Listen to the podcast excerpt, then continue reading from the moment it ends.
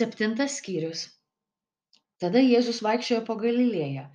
Jis nenorėjo eiti judėjon, nes žydai ieškojo progos jį nužudyti. Artėjo žydų palapinių šventė. Jo broliai jam kalbėjo, keliauk iš čia į judėją, kad ir tavo mokiniai pamatytų, kokius darbus darai. Juk norėdamas iškilti viešumon, niekas neveikia slapčiomis. Jei darai tokius darbus, parodyk save pasauliui mat netgi jo broliai juo netikėjo. Jėzus jiems atsakė, mano laikas dar netėjo, o jums laikas visada tinkamas. Pasaulis negali jūsų nekesti, o manęs jis nekenčia, nes aš liudiju, kad jo darbai pikti. Jūs eikite į iškilmes, aš į šitą šventę neįsiu, nes mano laikas dar netėjo. Tai jiems pasakęs, jis pasiliko Galilėjoje. Bet kai jo broliai iškeliavo į šventę, tada ir jis išėjo bet ne viešai o tarsi slapčiomis. Tuo tarpu iškilmėse žydai jo ieškojo klausinėdami o kur tas? Apie jį taip pat ėjo kalbos miniose. Vieni sakė jis geras kiti neigė visai ne jis tik klaidina žmones. Tačiau ne vienas apie jį viešai nekalbėjo nes bijojo žydų. Šventei įpusėjus jėzus atėjo į šventyklą ir ėmė mokyti. Žydai stebėjosi ir sakė iš kur jis žino raštą visai nesimokęs. Jėzus jiems atsakė mano mokslas ne iš manęs bet iš to kuris mane siuntė. Kas nori vykdyti jo valią supras ar tas mokymas iš dievo ar aš kalbu iš savęs. Kas iš savęs kalba ieško sau šlovės. O kuris ieško jo siuntėjo šlovės tas teisus ir nėra jame neteisybės. Argi mozė nedavė jums įstatymo tačiau niekas iš jūsų įstatymo nesilaiko. Kodėl gi norite mane nužudyti? Žmonės atsiliepė tu turi demoną. Kas gi nori tave nužudyti? Jėzus jiems atsakė aš padariau tik vieną darbą ir jūs visi nustebote. Mozė jums davė apipjaustymą nors jis kilęs ne iš mozės bet iš protėvių. Ir jūs apipjaustote žmogų per sabatą. Jei žmogus apipjaustomas sabato dieną kad nebūtų sulaužytas mozės įstatymas tai kodėl pykstate ant manęs kad aš visą žmogų pagydžiau per sabatą? Tad neteiskite pagal išorę bet teiskite teisingai. Kai kurie jeruzalės gyventojai klausinėjo ar tik ne šitą nori nužudyti? Štai jis viešai kalba ir niekas jam nieko nesako. Gal vyresnybė įsitikino jog jis iš tiesų kristus?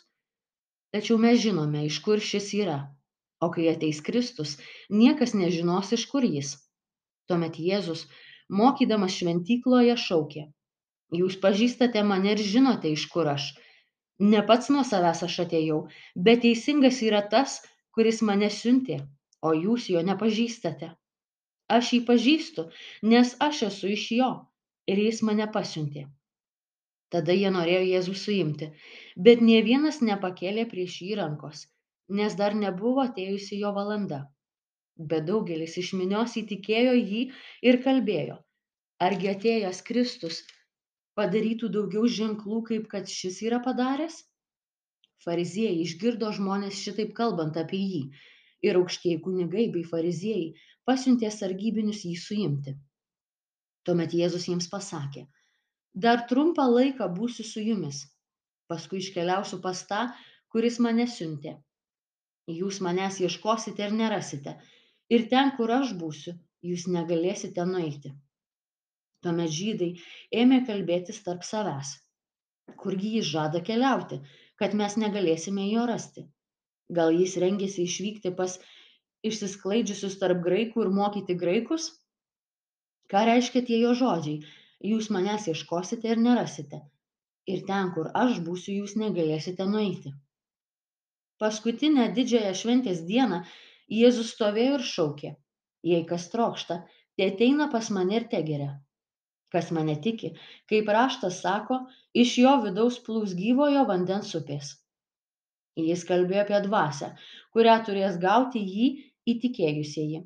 Mat šventoji dvasia dar nebuvo nužengusi nes jėzus dar nebuvo pašlovintas. Išgirdę tuos žodžius daugelis iš minios sakė jis iš tiesų pranašas kiti tvirtino jis kristus Dar kiti pranašavo, nejaugi Kristus ateitų iš Galilėjos? Argi raštas nesako, jog Kristus ateis iš Dovydo palikonių, iš Betlėjus miestelio, iš kur kilo Dovydas? Taigi minioje dėl jo kilo nesutarimas. Kai kurie norėjo jį suimti, bet ne vienas nepakėlė prieš jį rankos. Sargybiniai sugrįžo pas aukštuosius kunigus bei fariziejus, o tie klausė, kodėl jo netvedėte? Sargybiniai atsakė, niekada žmogus nėra taip kalbėjęs kaip šis. Fariziejai atsakė, gal ir jūs jau suvedžioti? Ar tiki jį bent vienas iš vyresnybės ir fariziejų? O ta minė, nežinanti įstatymo prakeikta. Tada prabilo vienas iš jų, Nikodemas, kuris buvo aplankęs Jėzų nakčia. Argi mūsų įstatymas teisia žmogų, jeigu jis pirmiau neišklausytas ir nežinoma, ką jis padaręs? Jie jam tarė, gal ir tu iš Galilėjos? Patyrinėk ir pamatysi, kad joks pranašas nėra kilęs iš Galilėjos. Ir taip išsiskirstė kiekvienas po namus.